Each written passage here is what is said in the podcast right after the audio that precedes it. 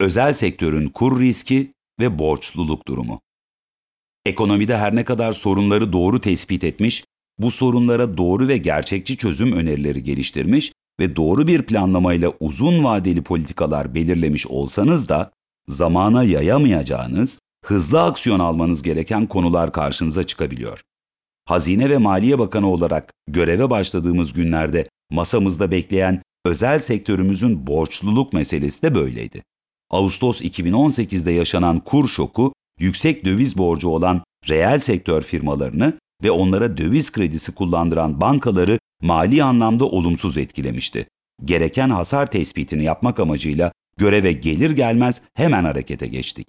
Öncelikle istatistiksel modellemelere ve makroekonomik varsayımlara dayanan top-down bir makro stres testi uygulayarak bankaların sermaye ihtiyacı olup olmadığını değerlendirdik. Bu testler hem BDDK'da hem de TCMB'de ayrı ayrı uygulandı.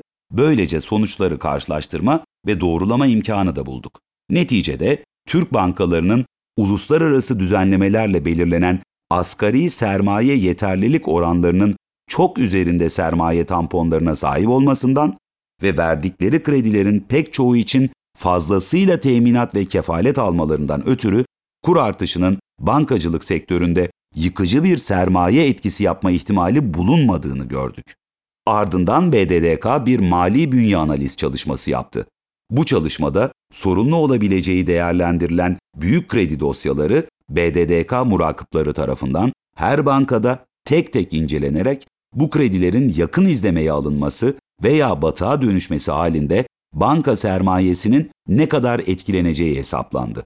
Üçüncü olarak bankalarımız içsel sermaye yeterliliği değerlendirme süreci İSEDES, İngilizcesi ICAAP kapsamında BDDK'nın kendilerine ilettiği makroekonomik senaryoları kullanarak kendi iç stres testlerini yaptılar ve ulaştıkları sonuçları birer rapor halinde BDDK denetimine sundular.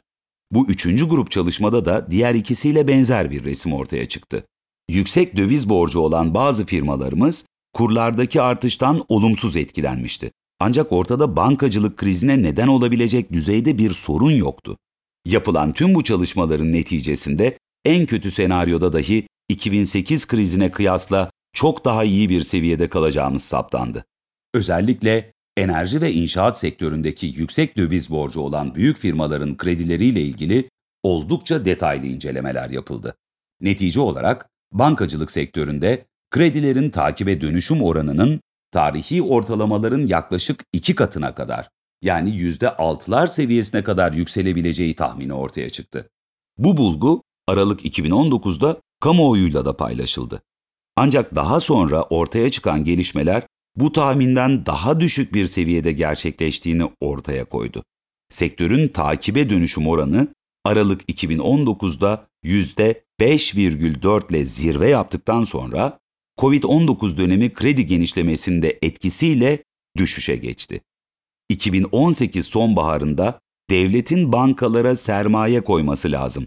Sorunlu kredileri ederinin üstünde bir fiyatla bankalardan satın alması lazım. Aksi halde bankalar batar gibi konuşmalar yapılıyordu.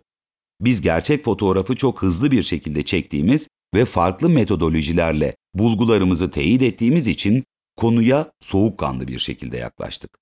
Ne vatandaşımızdan topladığımız vergileri haksız yere banka sahiplerine aktardık, ne de finansal türbülanstan geçtiğimiz ve risk primlerinin aşırı yüksek olduğu bir dönemde özel bankalarımızı çok yüksek maliyetlerle sermaye bulmaya zorladık.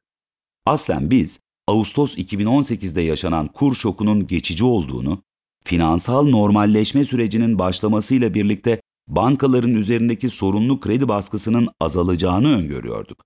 Yine de geçiş döneminde bankaların mali güçlerini korumak amacıyla temettü dağıtımını yasakladık. Sermaye yeterlilik hesaplamalarının bir yıllık ortalama kur kullanılarak yapılmasına izin verdik. Kamu bankalarımızı sermayelendirdik. Bazı özel bankalarımızın sahipleri de benzer şekilde bankalarına sermaye koydular. Borç yeniden yapılandırmalarını teşvik etmek amacıyla bir finansal yeniden yapılandırma kanununu meclisten geçirdik. Süreç beklediğimiz gibi gelişti.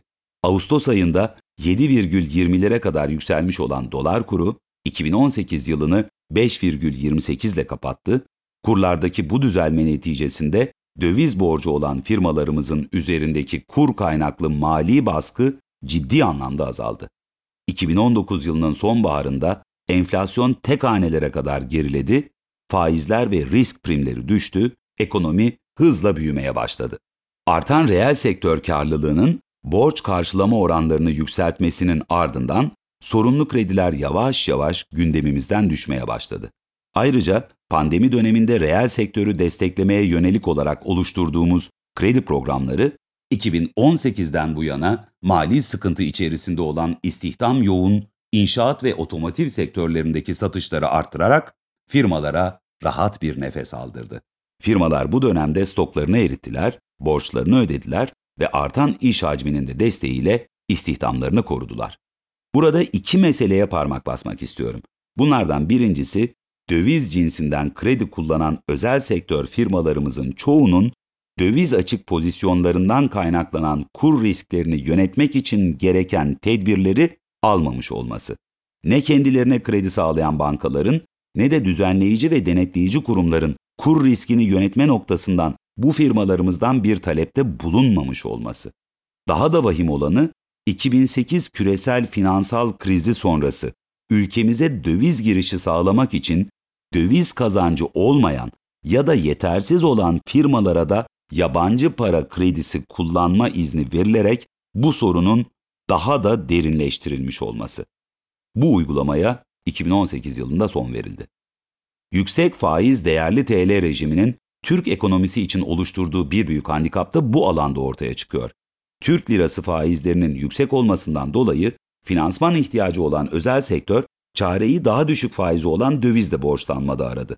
Düşünün, ekonominin en önemli atılımları yaptığı, başta enerji piyasaları olmak üzere serbestleşmenin, rekabetin, yatırımların arttığı bir dönemde siz özel sektöre finansman ihtiyacı için TL'yi değil, dövizi cazip kılıyorsunuz.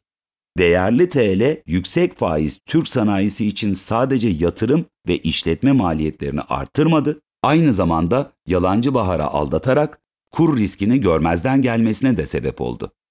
Ülkemizi, sanayicimizi, yatırımcımızı kendi para birimimize değil, yabancı para birimine mahkum edemeyiz.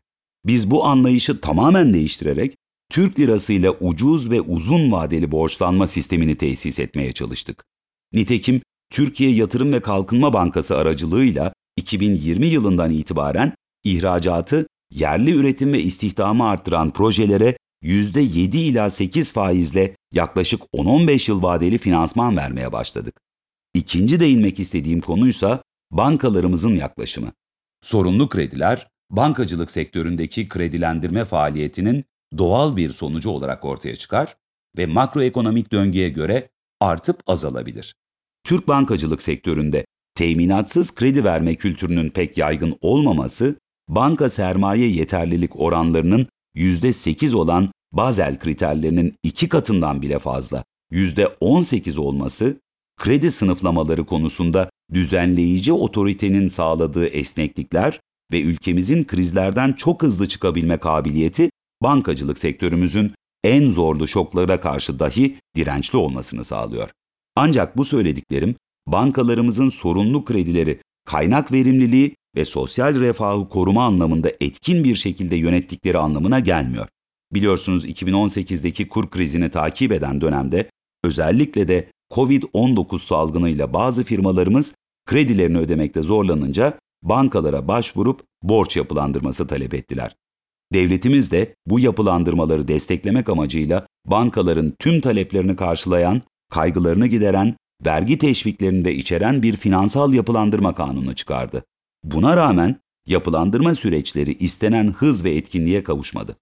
Bankaların nasıl olsa yeterince teminatım var, neden firmaya esneklik sağlayayım diyerek yapılandırma görüşmelerini sıkça uzattığına, borç erteleme ve teminatı nakde çevirme dışında bir çözüme kolay kolay yanaşmadığına şahit olduk. Katma değer üretme potansiyeline sahip firmaların uzun süre bu şekilde mali sıkıntı içerisinde bırakılması, firmaların yatırım verimliliği ve istihdamını azaltıyor. Firma yöneticilerinin ve çalışanlarının asli işine odaklanmasını zorlaştırıyor, firmaları bir süre sonra yaşayan ölü olarak adlandırılan zombi firmalara dönüştürüyor. Bu anlamda banka sorunlu kredi yönetimini etkinleştirmeye yönelik olarak bizim dönemimizde başlayan çalışmaların devam etmesini önemsiyorum. Bankalarımızın pek çoğunda gerçek anlamda bir yeniden yapılandırma birimi yok. Var olan icra takibi faaliyetlerini yürüten bir avukat ve yanındaki bir iki kişilik bir ekip. Oysa hangi firmaların rehabilite edilebileceğini, hangilerinin de tasfiye edilmesi gerektiğini tespit edebilecek, rehabilitasyon süreçlerini yürütebilecek, firmaya kredi veren ekipten bağımsız hareket edebilecek profesyonel ekipler oluşturulmasına ihtiyaç var. Bankaların ortak olduğu kurumsal yönetim altyapısı sağlam, sorunlu kredilerin devredildiği ve tüm bankalar adına tek elden yönetildiği özel bir varlık yönetim şirketi kurulmasının faydalı olacağı düşüncesindeyim. Eğer oluşturulacak bu yapı, icra iflas kanununda yapılacak yenilemeler ve sorunlu kredilerin satışını kolaylaştıran düzenlemelerle desteklenirse çok daha güçlü bir çerçeveye kavuşmuş oluruz. Bizim dönemimizde kredilerin ikinci el piyasasının oluşması, sermaye piyasalarından daha az maliyetle borçlanmanın sağlanması ve bankaların kredi kapasitelerini arttırması için gerekli ürünleri tasarlayacak, piyasada derinleşmeyi sağlayacak Birleşik İpotek Finansmanı şirketini kurduk. Bu alanda gidilecek çok önemli mesafe olduğuna inanıyorum.